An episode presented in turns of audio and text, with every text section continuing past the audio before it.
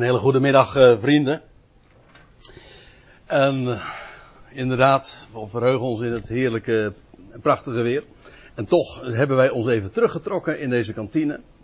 Om opnieuw ons bezig te gaan houden met de, met de toespraak die Petrus ooit, een kleine 2000 jaar geleden, heeft gehouden, of gegeven, op die Pinksterdag, het Joodse wekenfeest in Jeruzalem. En dat is de tweede keer dus dat we daar ons mee gaan bezighouden. En de vorige keer toen heb ik, ben ik begonnen in vers 11. Nee, zeg ik dat goed? Nee, vers 13. En we zijn gekomen toen tot, tot en met vers 21. Laat ik eventjes voor de helderheid nog, uh, dat heb ik de vorige keer ook gedaan, maar om nog een, even een totaalbeeld te hebben van, van de toespraak aan zich, gewoon in zijn geheel. Slotverrekeningen zitten hier nu ook weer een aantal die uh, de vorige keer hier niet waren. Zoals er ook mensen zijn, niet zijn die de vorige keer hier wel waren, maar daar hebben we dan even geen boodschap aan natuurlijk. Maar de structuur van Peters toespraak. Eerst in vers 14 en 15. Daar die, die oproep van Petrus, Joodse mannen. En dan vers 16 tot 21, dat is de hoofdmoot van de vorige keer dan geweest. Een verwijzing naar Joel 2, de uitgieting van Gods geest. Vervolgens, het tweede deel, en daar gaan we dus vanmiddag mee beginnen. Begint hij opnieuw, het tweede deel, in een, met een oproep aan de mannen van Israël. En dan gaat hij verwijzen naar Psalm 16. Feitelijk ook nog naar Psalm 132. En dat gaat over de opstanding van Christus. Dat is het grote thema van vanmiddag. Dat heb ik bij deze dan ook verklapt. En dan in vers 29 tot 33. Opnieuw die aanvang met een oproep. Mannenbroeders. En dan krijgen we een verwijzing naar Psalm 110. En waarmee Petrus zijn punt maakt dat de schriften, meer specifiek David al in de, de psalmen, gesproken heeft van de hemelvaart van Christus en zijn tegenwoordige positie aan de rechterhand van God. Dus dit is even een, een, een korte over, een kort overzicht van de toespraak. In drie punten, heel netjes, zo hoort dat met een toespraak. En het lijkt mij een goede zaak om nog eventjes te lezen, gewoon even, niet zonder uh, al te veel toelichtingen nog wat we de vorige keer hebben gezien. En dan beginnen we te lezen in vers 12. Zijn nu allen, die daar in Jeruzalem waren, de pelgrims, vanuit zoveel landen. Er worden twaalf landen genoemd, op zich ook al opmerkelijk. Dan zie je meteen ook weer dat het allemaal met Jeruzalem en met Israël te maken heeft. Zij nu waren allen, pelgrims en de inwoners van Jeruzalem, buiten zichzelf en verbijsterd, terwijl de een tegen de ander zei, wat wil dit zijn? Wat wil dit zeggen? Maar anderen zeiden schertsend, met gehoon, ze zijn barstensvol zoete wijn. En dan staat er in vers 14, Petrus echter, staande samen met de elf, verhief zijn stem en verwoordde tot hen, mannen, joden en alle die in Jeruzalem wonen, laat dit jullie bekend zijn. En neem mijn uitspraken ter oren, want deze mensen zijn niet dronken, zoals jullie dat opvatten, want het is het derde uur van de dag. Maar dit is het wat uitgesproken is door de profeet Joël. En dan volgt een lang citaat. Ik heb ook even stilgestaan en dat wil ik nog even goed benadrukken. Want dat was een van de, de clues van de, de studie van, gister, van, de, van twee weken geleden. Uh, dit wordt meestal verkeerd opgevat. Uh, zodat het, het verhaal ook niet meer klopt van Petrus. En daarom vind ik het van belang om dit even goed te onderstrepen. Want zoals men het meestal is op, opvat, is dat, dat Petrus dan, terwijl dus daar in Jeruzalem die wonderlijke verschijnselen plaatsvinden van die windvlaag en bovendien en vooral de, het feit dat al die mensen daar uh, hun, vanuit hun, uh, de gebieden waar zij van afkomstig waren, dat zij ieder van hen, van de twaalf, de, de, van de grote daden Gods horen spreken, ieder in zijn eigen taal. Nou, dat is wat ze meemaken. En dan gaat Petrus uh, dat, uh, neemt het woord en hij geeft een lang citaat om te beginnen uit de, uit de uh, profeet Joël. En dan vat men het zo op dat hij zegt van ja, alles wat jullie nu zien, dat dit is het wat gesproken is door de profeet Joël. En dan klopt het niet meer. Want wat Joël namelijk beschrijft, dat is wat er gaat gebeuren in de laatste dagen met Israël. En met de dag des Heren en de tekenen, we zullen dat trouwens straks ook weer zien als we dit nog even voorlezen. De gebeurtenissen en de, de dingen die Joël beschrijft, die zijn helemaal niet vervuld op de Pinksterdag. Maar dat is ook niet wat hij zegt. Hij zegt, maar dit is wat uitgesproken is door de profeet Joël. En het is, ik ga dat nu verder niet meer uit de doeken doen. Als u dat uh, nog eens eventjes wil, uh, beter wil uh, bezien, dan, dan zou je dat nog eens eventjes na moeten luisteren. Maar ook vanuit de grammatica is het heel duidelijk dat de woorden dit is verwijst naar wat uitgesproken is door de profeet Joël. Met andere woorden, wacht even um, ik geparafraseer het nu eventjes, dus ik, ik eventjes in gewone taal, even duidelijk gemaakt. Uh, dat is wat jullie allemaal zien. En horen. Die, ieder die spreekt van de grote daden gods in, in, in onze eigen taal. Dat is wat jullie zien en horen. Maar dit is wat Joël al ooit gezegd heeft. Dubbele punt. Dus het is niet van, wat jullie nu zien en horen, dat is wat Joël van gesproken heeft. Nee, dit is wat jullie zien, dat is allemaal wat jullie zien en horen.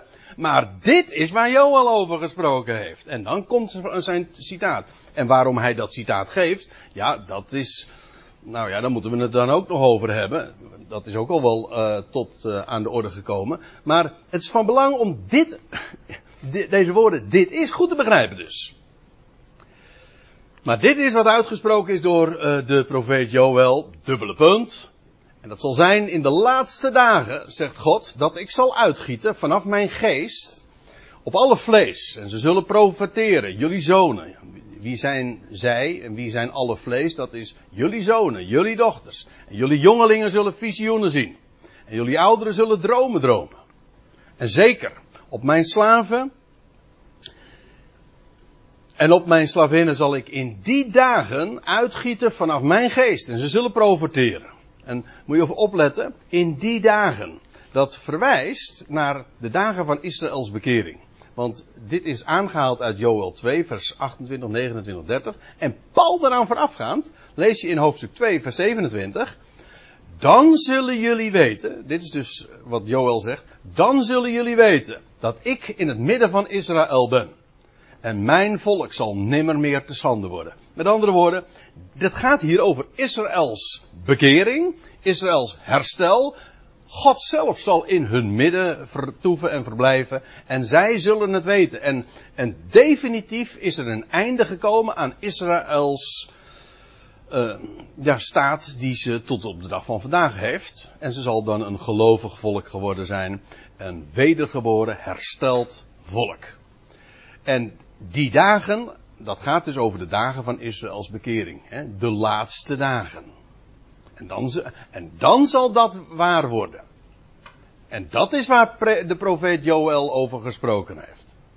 Afijn, ik ga eventjes verder. Want Petrus geeft een lang citaat. Kennelijk uit zijn hoofd, dat mag ik aannemen. Dat was uh, voor die mannen in die dagen helemaal niet zo'n punt. Want men kende de schrift voor een groot gedeelte uh, heel vaak uit uh, goed uit hun hoofd en, en men kon dat, uh, uh, zoals dat met een mooi woord heet, recapituleren. Men kon dat gewoon opzeggen. Dat is een hele mooie, een hele goede gewoonte. Als je dat uh, van jongs af aan leert, gewoon om de schriften, gewoon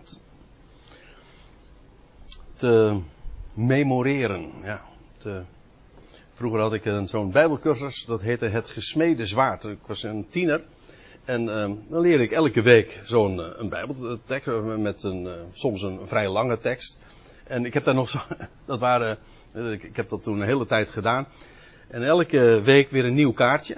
En En die, teksten vergeet je, vergeet je nooit meer. En daar heb je zo enorm veel genoegen van.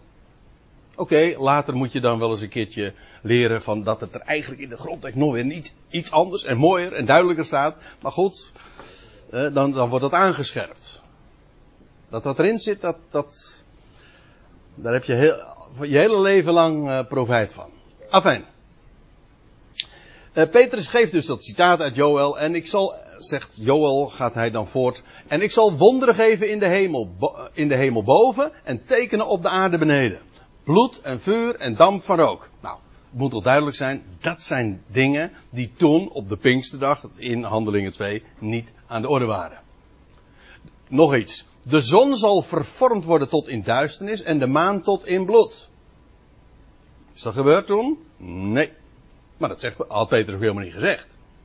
Dit is wat Petrus, dit is wat Joel zegt. De zon zal verduisterd worden, vervormd worden tot duisternis, de maan tot bloed, de bloedrode maan. Voordat de dag van de Heer komt, de grote en, tevoorschijn, en tevoorschijn komende dag. De, hoe staat het in de MBG en de Statenvertaling geloof ik ook? De grote doorluchtige dag. Maar dat betekent eigenlijk dat die dag tevoorschijn komt. De zon komt op, de nacht wordt verdreven en de dag breekt dan aan. De dag van de Heer. En het zal zijn, en zo eindigt dan het citaat vanuit Joel, en het zal zijn dat ieder, wie ook maar, de naam van de Heer aanroept, gered zal worden. Joel spreekt over die dag van de Heer, over de, Israël, de dag van Israëls bekering. En, als, en hoe wordt Israël gered? Wel door het aanroepen van de naam van de Heer. Petrus heeft daar trouwens iets heel bijzonders over op te merken, want die naam van de Heer heeft nog weer alles te maken met de Heer Jezus Christus. Hè? Want dan zegt hij in hoofdstuk 2 aan het einde van de toespraak, daar komen we vandaag niet eens meer aan toe hoor. Uh, laat het hele huis van Israël, zegt Petrus dan, dan zeker weten dat God hem en tot Heer, Curios, en tot Christus maakte. Deze Jezus die jullie kruisigde. Dus God heeft hem tot Heer gemaakt. Dus als, als Israël eenmaal gered zal worden in de dag van de Heer. En bij die, bij die, bij die gelegenheid wel, dan, zo, dan zullen ze de naam van de Heer aanroepen. Dat wil zeggen de naam van hem die God tot Heer en tot Christus of tot Mashiach gemaakt heeft. Zij, dat is dezelfde als die zij kort tevoren, een dag of uh, 50, 60, 50, ja, ruim tevoren hadden gekruisigd. Ja. En zo eindigt dan uh, de, het citaat dat Petrus geeft op de, op de Pinksterdag. Dus hij, op die Pinksterdag verwijst hij naar Joel en hij zegt van ja, maar zo, het gaat eenmaal zo gebeuren. Nou, dan zal ook de geest worden uitgestort. Niet zoals nu, dat is nog maar een eerstelingswerk. Trouwens, Pinksteren is ook een feest van eerstelingen. Maar hij verwijst feitelijk naar de grote vervulling als de oogst wordt binnengehaald en uh, het, uh, het, het volk van Israël als volk ook gered zal worden. Waarom? Omdat ze de naam van de Heer zal aanroepen. En dat is wat Petrus feitelijk nu ook gaat doen. Namelijk, wie is die Heer dan wel? En hoezo? Afijn, dat was het citaat uit uh, Joel en dat hebben we de vorige keer gezien. En dan gaan we verder nu met vers 22. Dan zegt hij, mannen, Israëlieten, hoort deze woorden. Dus nu gaat zijn conclusie volgen. Jezus, de Nazarener.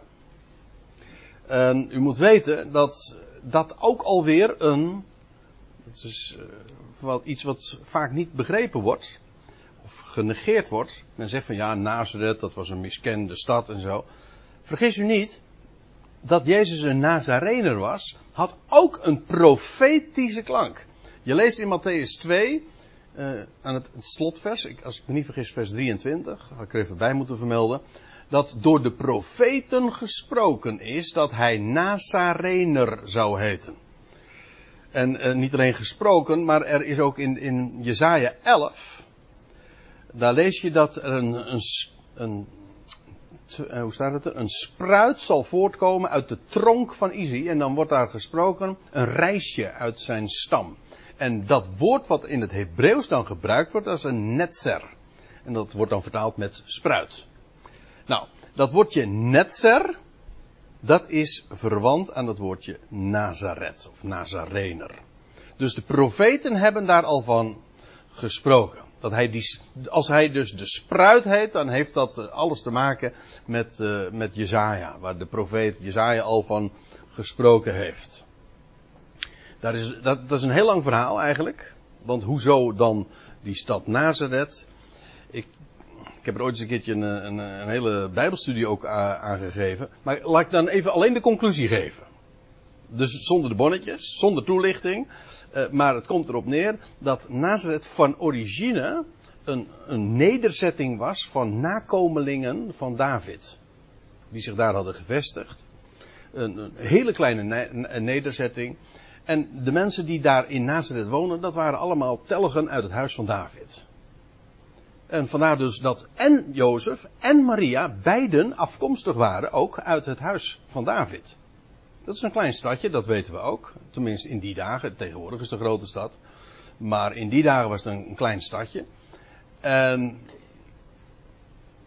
dus dat, dat Nazareth heeft inderdaad alles te maken nog met het feit dat het uh, nakomelingen waren uit, uit de stam van Isaïe. Uit de tronk van Isaïe. Afijn. Ik ga dat dus nu verder niet uh, toelichten. Het is even genoeg om te, dat, dat, dat hij, Jezus, meteen ook genoemd wordt de Nazarener. Die man van Nazareth. Daar zit dus ook meteen een, een profetische klank in.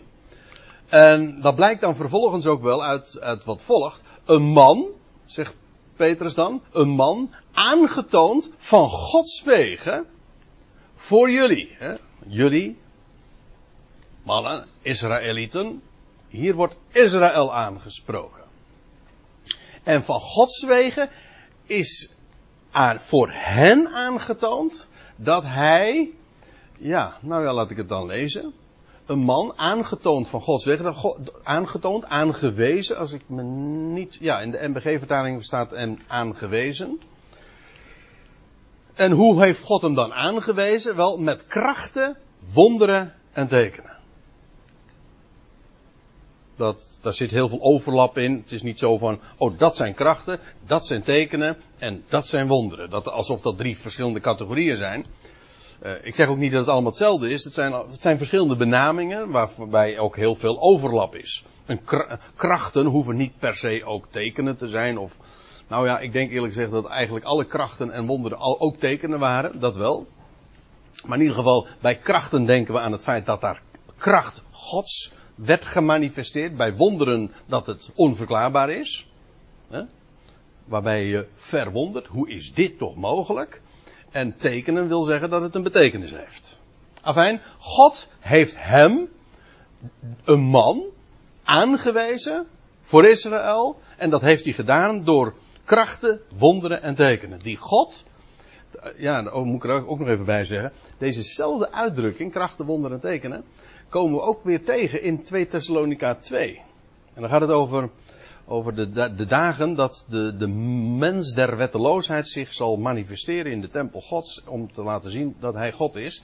En dan lees je, en dan lees je ook dat dat gepaard zal gaan met krachten, tekenen en wonderen. Dan lees je, nou, uh, ik lees het, kijk het maar eens na in hoofdstuk 2 vers 9 van de Thessalonicense. Naar de inwerking van de Satan, de tegenstander, in alle kracht en tekenen en bedriegelijke wonderen. Dat is dan wel weer kenmerkend voor zoals Satan dat doet. Hij doet ook krachten, tekenen en wonderen, alleen met waarin blijkt dat het van Satan, de tegenstander is, dat het, hij bedriegt. Of letterlijk staat er, het is pseudo, het is leugenachtig.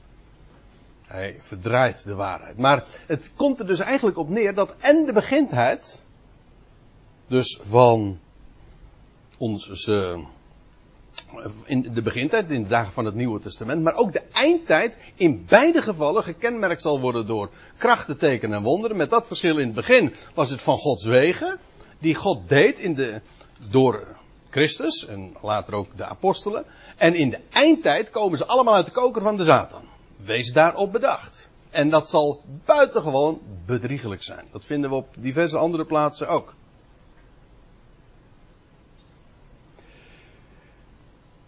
Afijn, die Jezus de Nazarener, een man aangetoond van Gods wegen voor jullie, met krachten en wonderen en tekenen, die God door hem deed in jullie midden. Zoals jullie zelf hebben waargenomen. Met andere woorden, wat ik zeg, kunnen jullie zelf ook bevestigen. Dit was bekend. Dat was zo evident. Het is opmerkelijk hoe in het boek Handelingen dat telkens weer benadrukt wordt. Het is wat Petrus hier zegt, dat God hem heeft aangewezen. En over die wonderen en krachten en tekenen, dat God dat gedaan heeft. Dat was onlogenbaar en het was een publiek bekend gegeven. Ik, zal, ik wil twee schriftplaatsen aanhalen uit het boek Handelingen waarin dat benadrukt wordt. Dan staat er in Handelingen 10, oh, dat is een beetje een rare aanduiding, maar Handelingen 10 vers 37. Dat, oh, dan gaat het trouwens over dat Petrus inmiddels daar aan de, aan de kust in Caesarea is bij in het huis van Cornelius. En dan zegt hij, jullie weten van de dingen die geschied zijn door het hele Joodse land te beginnen in Galilea. Met andere woorden, zelfs eh, in, hij is nu in een heidens huis, in een, nou ja, van een, uh, van een godvrezend iemand, Cornelius. Maar hij zegt, jullie weten van de dingen die geschied zijn. Dat was bekend. Dat hoefde hij niet verder toe te lichten. Nou ja, eventueel toelichten, maar ik bedoel, als feit was het bekend. Want ze wisten daarvan. In Handelingen 26, dan staat Paulus voor Agrippa in Jeruzalem. Nee, in. Uh... Oh ja, ook in Caesarea, dat is ook zo. En dan. Uh... Dan zegt hij, staat hij voor uh, koning Agrippa en dan zegt hij, want de koning weet van deze dingen. En tot hem spreek ik vrijmoedig. En dan zegt hij er zo bij, dit is immers niet in een uithoek geschied. Dat wil zeggen, al die dingen waarvan, waarvan Paulus spreekt over de, de naam, die verachte naam van Jezus. De dingen die God gedaan heeft door hem, waren evident. In heel Israël was het bekend. Dat hoefde verder niet toegelicht te worden. Men wist dat. Men wist dat. Dat wist Cornelius daar aan de kust. Dat wist Agrippa. Met, uh, ondanks het feit dat hij uh, deze, dat hij Jezus nooit heeft ontmoet. Maar dat, dat was, uh, ja, bekende, dat waren bekende gegevens voor heel het volk. Dat wordt telkens benadrukt. Dat zie je dus hier ook zoals jullie zelf hebben waargenomen. En dan zegt Petrus erbij, deze in de bepaalde raad en voorkennis van God. Ja, nou moeten we eventjes gaan inzoomen hoor. Dat is mooi. Want, ja, ook heel leerzaam om daar even goed aandacht aan te geven. Laat ik eerst even de hele zin lezen. Deze in de bepaalde raad en voorkennis van God, uitgeleverd door handen van wettelozen, vast, gena oh, vast uh, genageld. Uh, ja, dat is, uh, ik moet, als ik hem op internet zet, nog eventjes een paar correcties aanbrengen. Neem me niet kwalijk. Vastgenageld ruimden jullie hem uit de weg. Want zo is het natuurlijk. Maar eerst even deze eerste, dat eerste zinsdeel. Deze, Jezus dus, die, man die van Gods wegen was aangewezen, dat wisten ze allemaal. Deze in de bepaalde raad en voorkennis van God. Dat woord raad, dat is in het Grieks, hier ziet u het, boule. En het woord raad, dat betekent bedoeling. Zou, het wordt, wordt heel vaak gebruikt in het, uh, in het Nieuwe Testament. Het duidt op een bedoeling of een intentie. In, en het is onderscheiden, dat is van belang. Het is onderscheiden van Gods wil. Ja, dat is uh, mooi, want ik zal u dat laten zien. We weten, we gaan nu even naar de geschiedenis van waar Paulus het over heeft in Romeinen 9, over de farao die van Mozes te horen kreeg, laat mijn volk gaan. Dat was Gods wil. En farao zei, dat had God trouwens al tegen Mozes gezegd, dat farao niet zou luisteren. Maar farao weerstond Gods wil. In het Grieks is dat woordje wil inderdaad telema. Dat was Gods wil. Laat mijn volk gaan.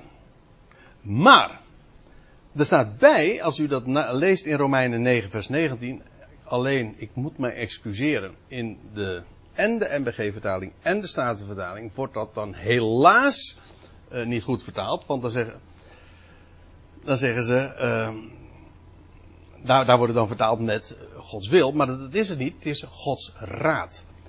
Want Farao weerstond Gods wil, maar niet Gods raad. In Romeinen 9 vers 19 dan lees je dat, dat, uh, dat als Paulus deze dingen naar voren brengt, dan brengt hij zo een, een, een criticaste zeg maar ter sprake. Zegt, maar wat heeft God daar nog aan te merken?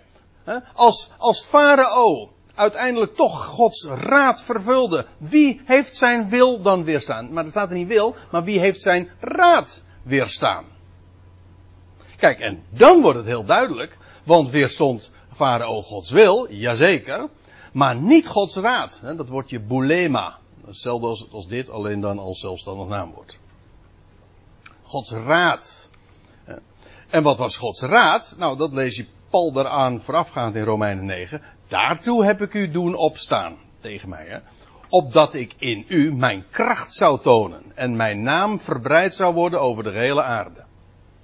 Dus toen Farao nee zei, werd Gods intentie vervuld. Dus Farao zei nee, tegen Gods wil. Maar Gods bedoeling was juist dat Farao zou opstaan. Waarom?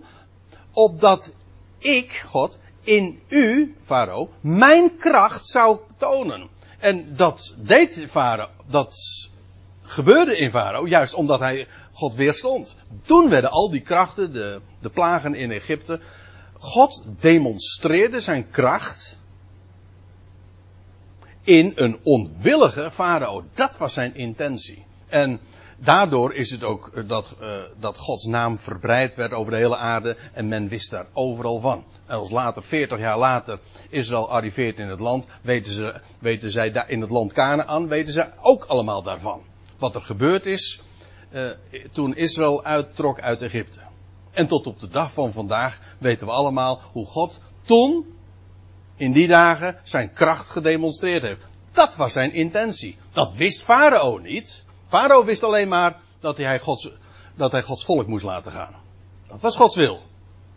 Maar Gods intentie, die was verborgen. Gods bedoeling, Gods raad.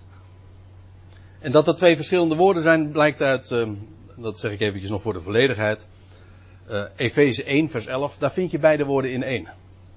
Daar staat er van dat God in het al, in tapanta, in, in het heelal, werkt naar de raad van zijn wil. En dan worden beide woorden in één gebruikt. Ja, en dan moeten ze, en dan moeten ze het inderdaad wel onderscheiden, de vertalers. Stel je voor dat de Statenvertalers en de MBG-vertalers daar ook het woordje raad met wil hadden vertaald, dan, hadden, dan had er zoiets gestaan van die in alle dingen werkt naar de wil van zijn wil. Ik bedoel, dan krijgen zulke dwaze constructies. Bestaat niet. Nee, het is de raad, zijn intentie, zijn bedoeling van zijn wil. Gods wil heeft ook een intentie. Wel, nu even weer terug, want we hebben het niet over Farao, we hebben het ook niet over, over die geschiedenissen. We hebben het over Handelingen 2. En deze, in de bepaalde raad en voorkennis van God, hebben jullie uh, uitgeleverd in de handen van men, uh, wettelozen. Dat was dus toen Israël hem uitleverde en toen Israël hem uit de weg ruimde en hem heeft hem, uh, toen zij hem vastnagelden aan het hout, toen was dat in de bepaalde raad van God. In de Let ook op het woordje bepaald. Dat wil zeggen, God had dat. Uh, u ziet het ook hier in het woord uh, wat hier gebruikt wordt. Het was inderdaad vastgelegd. Gods bedoeling stond vast. De grootste misdaad die ooit in de geschiedenis heeft plaatsgevonden, namelijk de kruisiging van Gods zoon, was in de bepaalde raad. Dat wil zeggen, het was in de sfeer van binnen de raad van God. Zelfs de bepaalde raad. Zo moest het gebeuren. Was het Gods wil dat Jezus uh, aan het hout geslagen werd? Het was een misdaad. Natuurlijk. Sterker nog, het was de grootste misdaad die de mensheid, die de hele wereld ooit begaan heeft. Maar het was niettemin in de bepaalde raad. En staat er voorkennis van God. Eigenlijk is dat iets uh, minder, want je zou kunnen zeggen van ja, God wist het wel van tevoren, maar het was niet zijn bedoeling. Nee, God, uh, Petrus zegt het was in de bepaalde raad, het was de be bedoeling, het was bepaald, het was vastgelegd, het moest zo zijn. Gods bedoeling, zijn intentie, was dat dat zou gebeuren. Dus het was niet Gods wil dat het volk Israël Jezus kruisigde. Maar het was wel in de bepaalde raad en ook en in de bepaalde raad en voorkennis van de God. Dat wil zeggen, uh, hij wist dat van tevoren. Maar goed, dat lijkt mij op zich uh, niet zo'n verrassing, want God is alwetend. Hè? Dus hij weet de dingen zoals ze gaan. Hij bepaalde, hoe staat het in Jezaja, van de beginnen verkondigt hij de afloop. Dus voor God bestaan er geen verrassingen, maar het geweldige is, bij hem gaat er ook nooit iets mis. Bij hem gaat er nooit iets mis. Dus ook toen Israël het ergste deed en toen het de wereld de, de zoon aan het kruis nagelde, toen was dat een krenking van Gods wil en van Gods hart. En het was toch in de bepaalde raad. Er ging niks mis. Het moest zo gaan. En ik vraag me niet om het te verklaren, maar kijk, dan heb je, is er wel sprake van de God. Degene die alles een plek geeft, bij wie er inderdaad nooit iets misgaat. Dit is op zich zo'n fenomenale, heerlijke, geweldige waarheid. Deze in de bepaalde raad en voorkennis van God, uitgeleverd door handen van wettelozen. En Petrus doelt hier op de, degene, het volk, de, die, aan wie het is uitgeleverd, de Romeinen. Die hebben het uiteindelijk, uh, dat waren ook trouwens de enigen die het konden doen. Maar die hadden de wet niet, de Torah, dus waren wettelozen. En vastgenageld ruimden jullie hem uit de weg. Dus het was eigenlijk, het, zoals we dat ook weten uit de Evangelie, het was Israëls initiatief. De Joden wilden dat en ze hebben Pilatus uh, en de overheden uh, ertoe geprest om dat zo te doen. En, ze hebben hem en zo is Jezus aan het hout vastgenageld. En jullie ruimden hem uit de weg. Jullie hebben hem gedood, zegt de MBG-vertaling. Eigenlijk is dat een iets ander woord, maar in ieder geval het komt er wel op neer, ja. Ze hebben hem aan, vastgenageld, namelijk aan het kruis, aan het hout, aan die paal. Maar het was in de bepaalde raad en de voorkennis. Dit is dus de goddelijke kant, Gods raad, Gods voorkennis. Dit is de menselijke kant, namelijk dat het Joodse volk hem heeft uitgeleverd, namelijk aan, aan de Romeinen, wettelozen. En vervolgens is, hij vast, is Jezus vastgenageld en uit de weg geruimd. Dit, is wat de mensen hebben gedaan. Maar dit staat voorop. Dat moet je weten. Vastgenageld uh, ruimden jullie hem uit de weg. Die, wie namelijk? Die de God deed opstaan. Ook dit is weer zo'n typisch ding uit het boek Handelingen. Namelijk dat dit. Jullie doden hem, maar God deed hem opstaan. Dit was het menselijk aandeel en dit was Gods aandeel. Om zo te zeggen. Moet we eens opletten. In Handelingen 3. Ook Petrus trouwens. Ook in Jeruzalem. Dan zegt hij. En de leidsman ten leven hebben jullie gedood. Maar God heeft hem opgewekt uit de doden. De mens kon hem doden. Hebben ze ook gedaan. Dat is het menselijk aandeel. En God, wat heeft hij gedaan? Hij wekte hem op de derde dag op uit de doden. Ja, waarom? Om aan diezelfde wereld, maar dat is meer, dat is meer Paulus. Dat is niet zozeer iets wat in, in het boek Handelingen naar voren komt, maar om aan de wereld het leven te geven. En daarmee bewees God dat hij van deze wereld houdt. Dat, hoe groot de vijandschap ook is, jullie krijgen van mij het leven. Al zijn aan de moordenaars dus van zijn zoon. In Handelingen 10, daar lees je. En zij, dat is weer Petrus in het huis van Cornelius. En zij, het Joodse volk, hebben hem gedood door hem te hangen aan een hout. Hem heeft God ten derde dagen opgewekt. Dus zij hebben hem gedood. Namelijk door hem te hangen aan een hout. En hem heeft God ten derde dagen opgewekt. Hier die, dat contrast, hè? Nog één. Er zijn er in werkelijkheid, ik, ik, ik heb nu een lijstje van drie getuigen. Ik dacht van, dan staat de zaak vast, hè? Maar in werkelijkheid is, het boek, is dit lijstje vanuit het boek, alleen al vanuit het boek Handelingen, veel langer nog te maken. Iedere keer dat uh, contrast van jullie, de mens, Israël, of de wereld, heeft hem gedood of gekruisigd, maar God op de derde dag wekte hem op. Handelingen 13, Paulus in Antiochieën. En toen zij, dan gaat het over het Joodse volk, alles volbracht hadden, wat van hem geschreven stond, u ziet het weer. Het was voorzegd en het Joodse volk heeft hem verworpen. Sterker nog, ze hebben hem gedood. En toen zij alles volbracht hadden wat van hem geschreven stond, namen, ze hem, namen zij hem van het hout en legden hem in een graf. Maar God heeft hem uit de doden opgewekt. En dit is nou weer typisch iets wat de mens niet kan. Dit is wat de mens kan. Uiteraard in de bepaalde raad en voorkennis van God. En het is ook van hem geschreven, dus het was voorzegd. Maar dit is nou typisch iets wat uh, helemaal buiten het menselijk bereik kan. Dat is precies wat God gedaan heeft. God heeft hem uit de doden opgewekt. Afijn, we gaan weer even terug naar Handelingen 2. Die de God deed opstaan. Jullie hebben hem gedood. Namelijk degene die de God deed opstaan. Losmakend. Of hoe staat het er? Hij verbrak, staat er in de MBG-vertaling, de weeën van de dood. Hij losmakend, en dat betekent inderdaad verbrekend, uh, de barensweeën van de dood. Een eigenaardige uitdrukking. Het komt erop neer dat de dood wordt voorgesteld als een, als een moederschoot.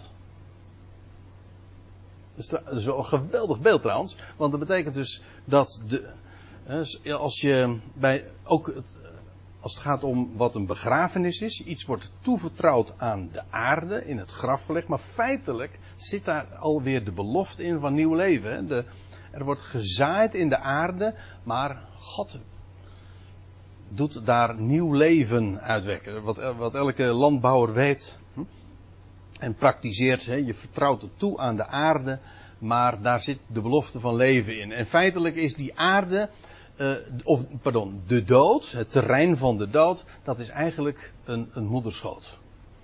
En daaruit komt voort nieuw leven. Vandaar ook dat de Heer Jezus genoemd wordt in onder andere Colossense 1, Openbaring 1. De eerstgeborene, nog zo'n fout, uh, de eerstgeborene uit de doden.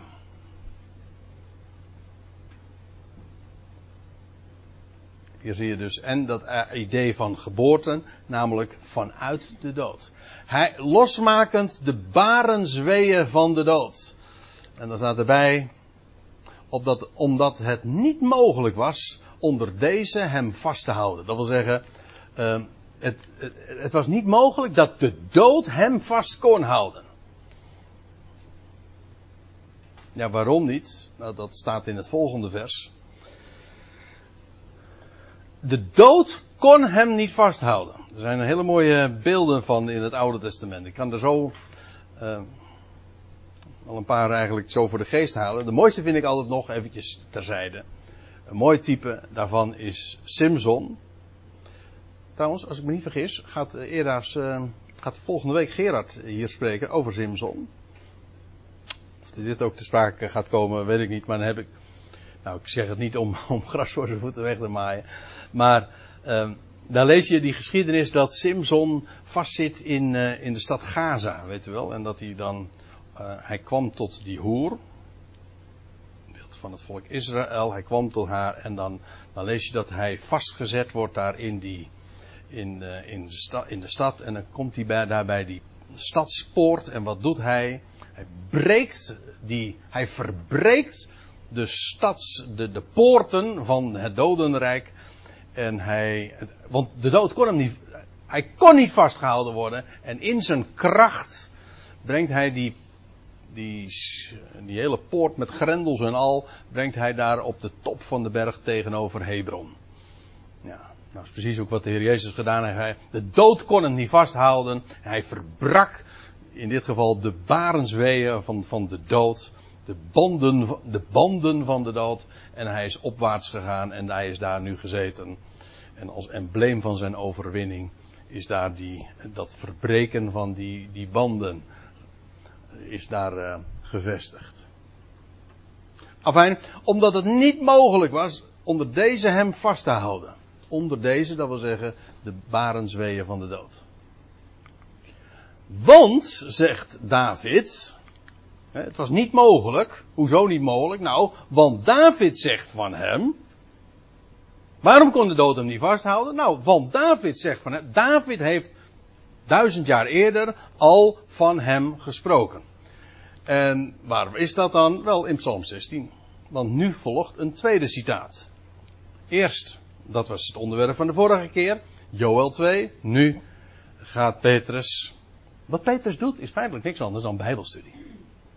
Hij gaat, wat hij doet op de Pinksterdag. God giet zijn geest uit, maar wat, doet, wat gebeurt er dan? Wel, de schriften gaan open.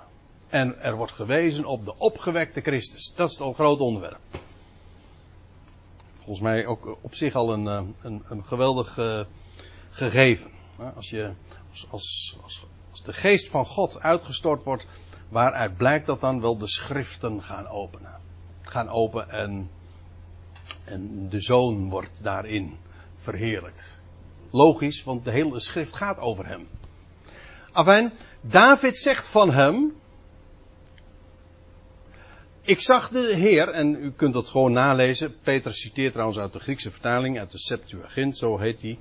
En dan volgt eh, een citaat uit een deel van Psalm 16. Ik zag de Heer voor mij. Eerst trouwens even nog dit. Het was niet mogelijk dat de dood hem vasthield. Want David zegt van hem. De Heer Jezus Christus dus. Dus David heeft gesproken van de Heer Jezus Christus. Duizend jaar eerder heeft David het Psalm 16 opgetekend. En, en nu zegt Petrus van. David sprak van hem. Dat is wat hij zegt. David zegt van hem. Dus als je dan in het vervolg van Psalm, over Psalm 16 leest, dan weet je, aha, dit gaat niet over David zelf, dit gaat over de zoon van David. En Petrus gaat het ook aantonen. Maar eerst eventjes uh, het citaat. Ik zag de Heer voor mij, die mij is dus de zo, eigenlijk, ja, David heeft het opgetekend, maar het sprak van de Heer, zoon van David. Ik zag de Heer voor mij, in het zicht van mij voortdurend. Dat wil zeggen, de Messias, de zoon van David, had voor, voortdurend de Heer voor, voor ogen. In de boekrol staat voor mij geschreven: Zie, Heer, hier ben ik om uw wil te doen. Dat had hij voortdurend voor ogen. Want hij, zijn God, de, de God van de zoon van David, van de Heer Jezus Christus, want hij is aan mijn rechterhand.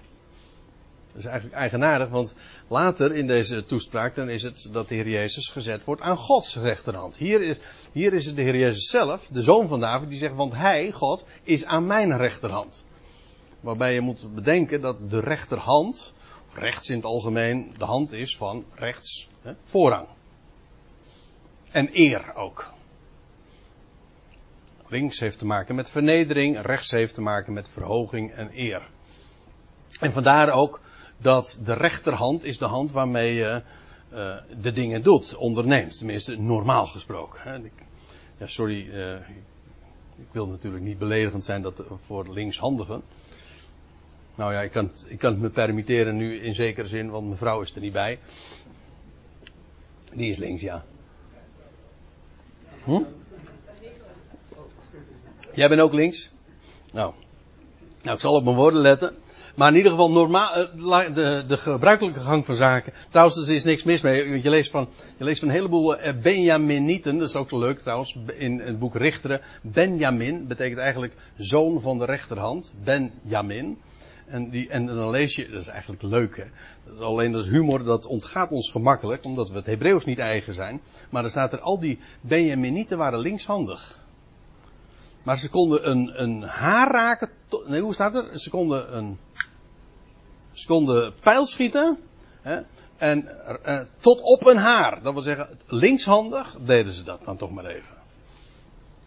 Ja, maar goed, de rechterhand is de hand waarmee je, je de dingen doet, waarmee je ook de dingen onderneemt. maar, en als God aan je rechterhand is, wel, dan is, dan is het uh, al wat hij onderneemt, dat, dat gelukt. Dat is eigenlijk het idee.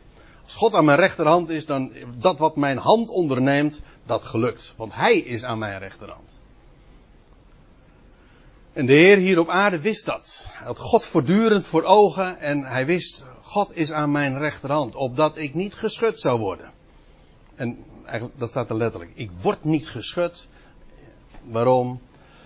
Uh, ik, en daardoor trouwens ook dat ik niet zou wankelen.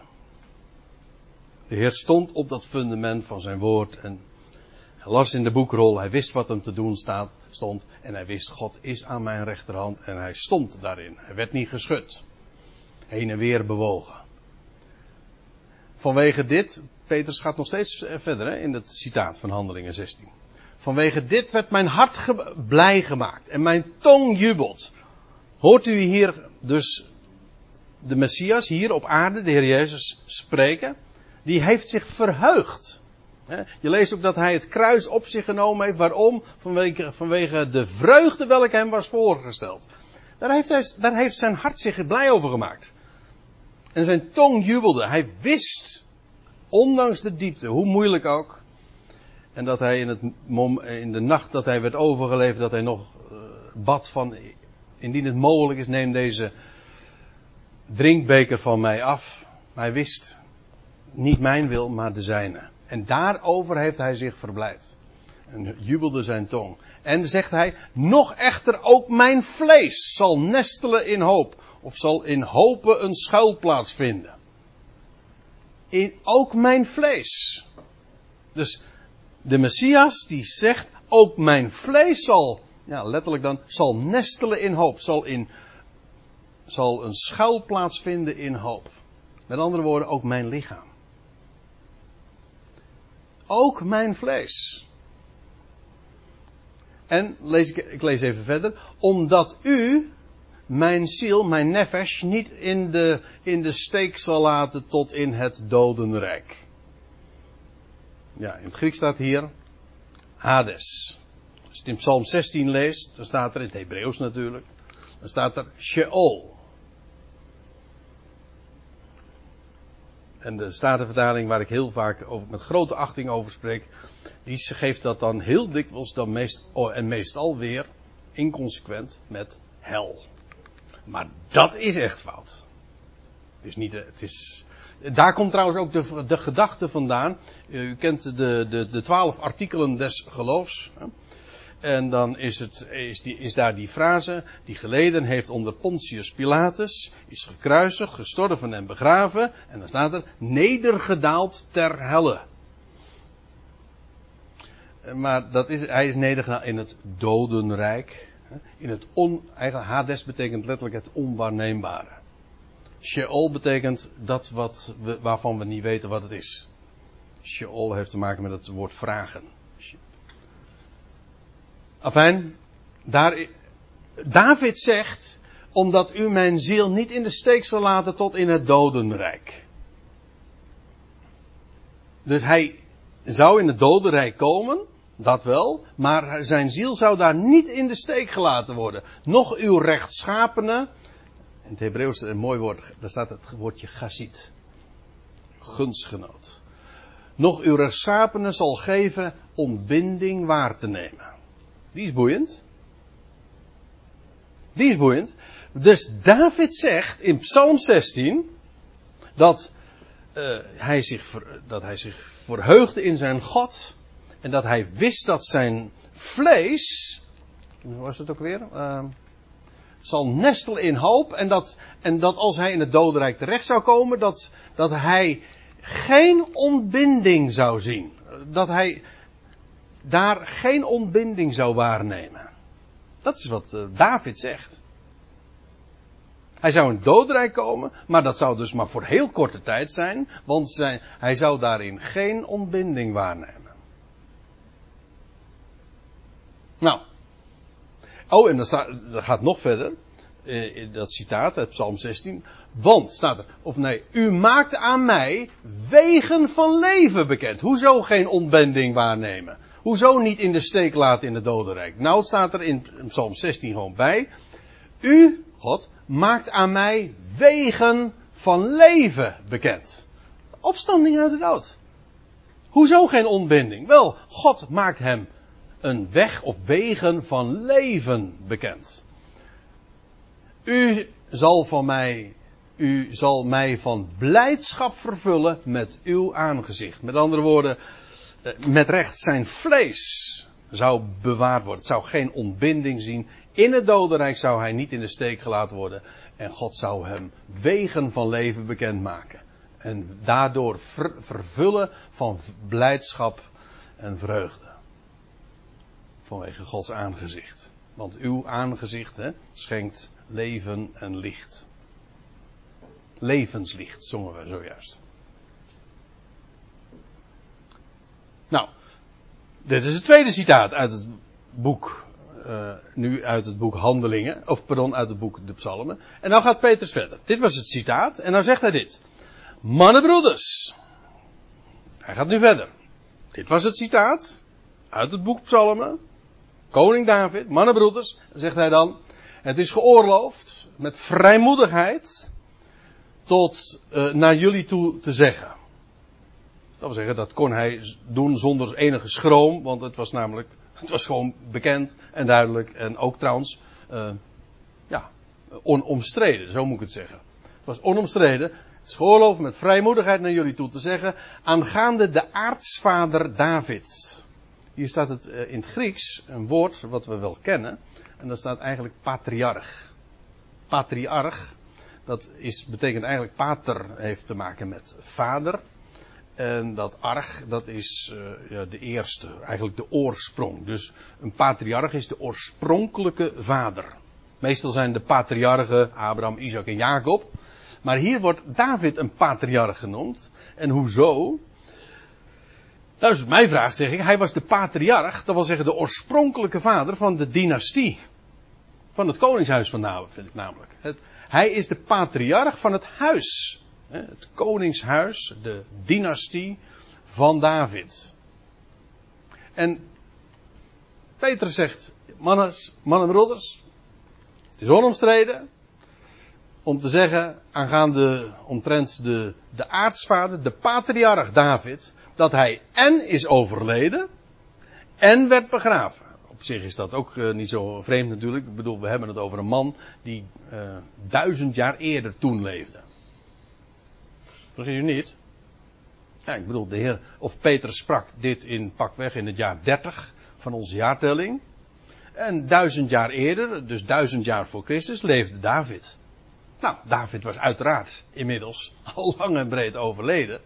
En ook bovendien begraven. En zijn graftombe is te midden van ons. Tot op deze dag, zegt uh, Petrus. Ook dat was, kon hij met vrijmoedigheid uh, verklaren daar in de stad. Want de graftombe van David is tot op, trouwens, ik kan ook zeggen, tot op de dag van vandaag te vinden in Jeruzalem. Nou is dat laatste wat lastiger. Maar uh, trouwens, dat geldt trouwens voor die uh, heel wat andere koningen waar nog tombes van zijn. Ja, al die koningen die, van, die geregeerd hebben in Jeruzalem, dus uit het van het twee stammenrijk, David en nou ja, al die twintig koningen die daarna kwamen. Die, daarvan zijn graftombes. Nou, ik, zeg niet allemaal, maar het meer, ik denk van het merendeel wel. Erfijn, zijn, zijn, Davids graftombe, is te midden van ons, tot op deze dag.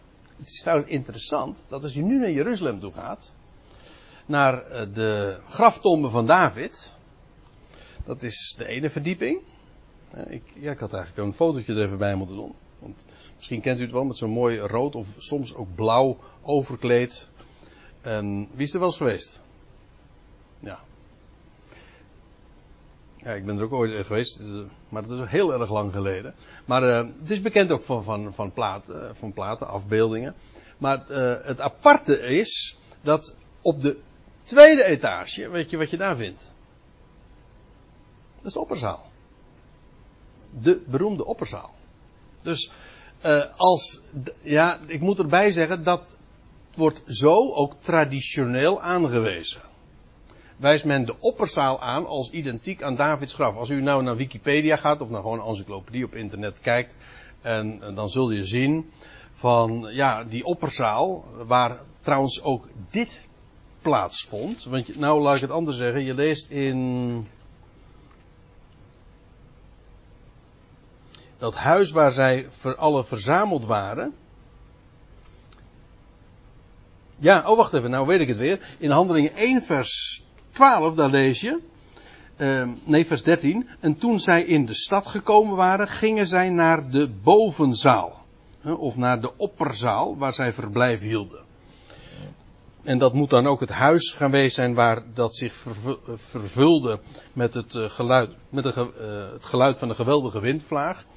En dat huis, dat was dus eigenlijk het huis of, uh, waar, de, waar het graf van David ook was. Ik moet erbij zeggen, ik kan Bijbels niet hard maken. Behalve dan dat Petrus hier dan zegt van ja hij is overleden en hij werd begraven en zijn graftombe is te midden van ons tot op deze dag. Dus ja als, als het inderdaad de traditie waar is, ja, dan was dat wel heel letterlijk, hè? Is te midden van ons, hier in dit huis. Maar dat te midden van ons hoeft dat natuurlijk niet direct te betekenen. Het kan ook gewoon zeggen, is te midden van ons hier in Jeruzalem. Ik laat dat even voor uh, wat het is. Want ik heb nog hele andere. Uh, ja. Nee, anekdotes zijn het zeker niet. Maar uh, mooie verhalen over wat er allemaal nog aan de hand is met het graf van David. Maar moeten we maar eens een keertje eh, nog een andere keer over hebben. Moeten we een keer naartoe? Moeten er eens een keer met z'n allen naartoe. Ja. Even checken. Of, of deze dingen al zo zijn. Hè? Ik vind het een goed idee. Oké, zullen we het er straks nog even over hebben? Zijn graftombe is te midden van ons. Dat is wat Petrus zegt. Hier in dit huis, of meer in het algemeen Jeruzalem, ik, blijven we vanaf. Dat staat hier ook niet zo. En hij zegt dat tot op deze dag. Het is gewoon evident, klaarblijkelijk. Nou, en nou komt het. Zijnde dan een profeet? Aha. En het woordje profeet in dit geval is ook heel mooi, want een profeet in het, is eigenlijk een Grieks woord. En dat is af, het pro betekent voor, en dat feet heeft te maken met zeggen of verklaren. Dus een profeet is eigenlijk gewoon in de letterlijke Griekse zin van het woord iemand die voorzegt. God voorzegt de dingen. Er is maar één die de toekomst kent en hij voorspelt niet, hij voorzegt. Zo zal het zijn. Die datum, die tijd, die plaats, die persoon. Gewoon met nauwkeurigheid. En David heeft ook, hij was een profeet. Niet slechts een poëet, een dichter die gewoon mooie, uh, hele, hoe noemen ze dat, gezwollen taal gebruikte. Uh, en uh, hele overdreven taal. Dat, zo wordt het dan uitgelegd. Hè? Als, dan, als, als je bij een vrijzinnige uitlegger aankomt van het boek De Psalmen en, en, bijvoorbeeld Psalm 16, daar dan een toelichting op leest en als Petrus of als David dan daar zegt van ja mijn vlees, daar is hoop voor en, en, en, en God zal mijn, mijn ziel niet in de dodenrijk achterlaten en, en, en geen ontbinding zien, ja dat is gezwollen dichterlijke taal. Nee, dat is helemaal geen gezwollen dichterlijke taal. David was een profeet. Hij voorzegde. Zo, was, zo zou het zijn.